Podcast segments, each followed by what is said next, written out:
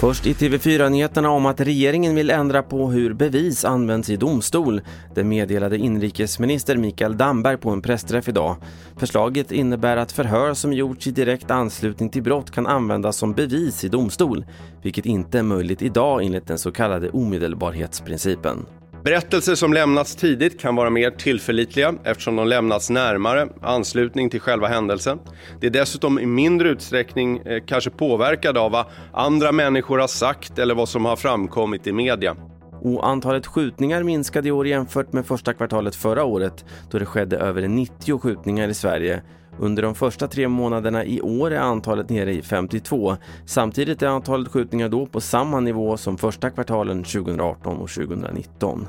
Och sist kan vi nämna att det idag är fyra år sedan terrordådet på Drottninggatan. Sju minuter i tre på eftermiddagen kom larmet om att ett fordon kört på och skadat flera människor mitt i Stockholm city. Rakhmat Akilov avtjänar livstidsfängelse för dådet som krävde fem människors liv. Mer om årsdagen av terrordådet hittar du på tv4.se. Det här var senaste nyhetsuppdateringen. Jag heter Carl-Oskar Alsen.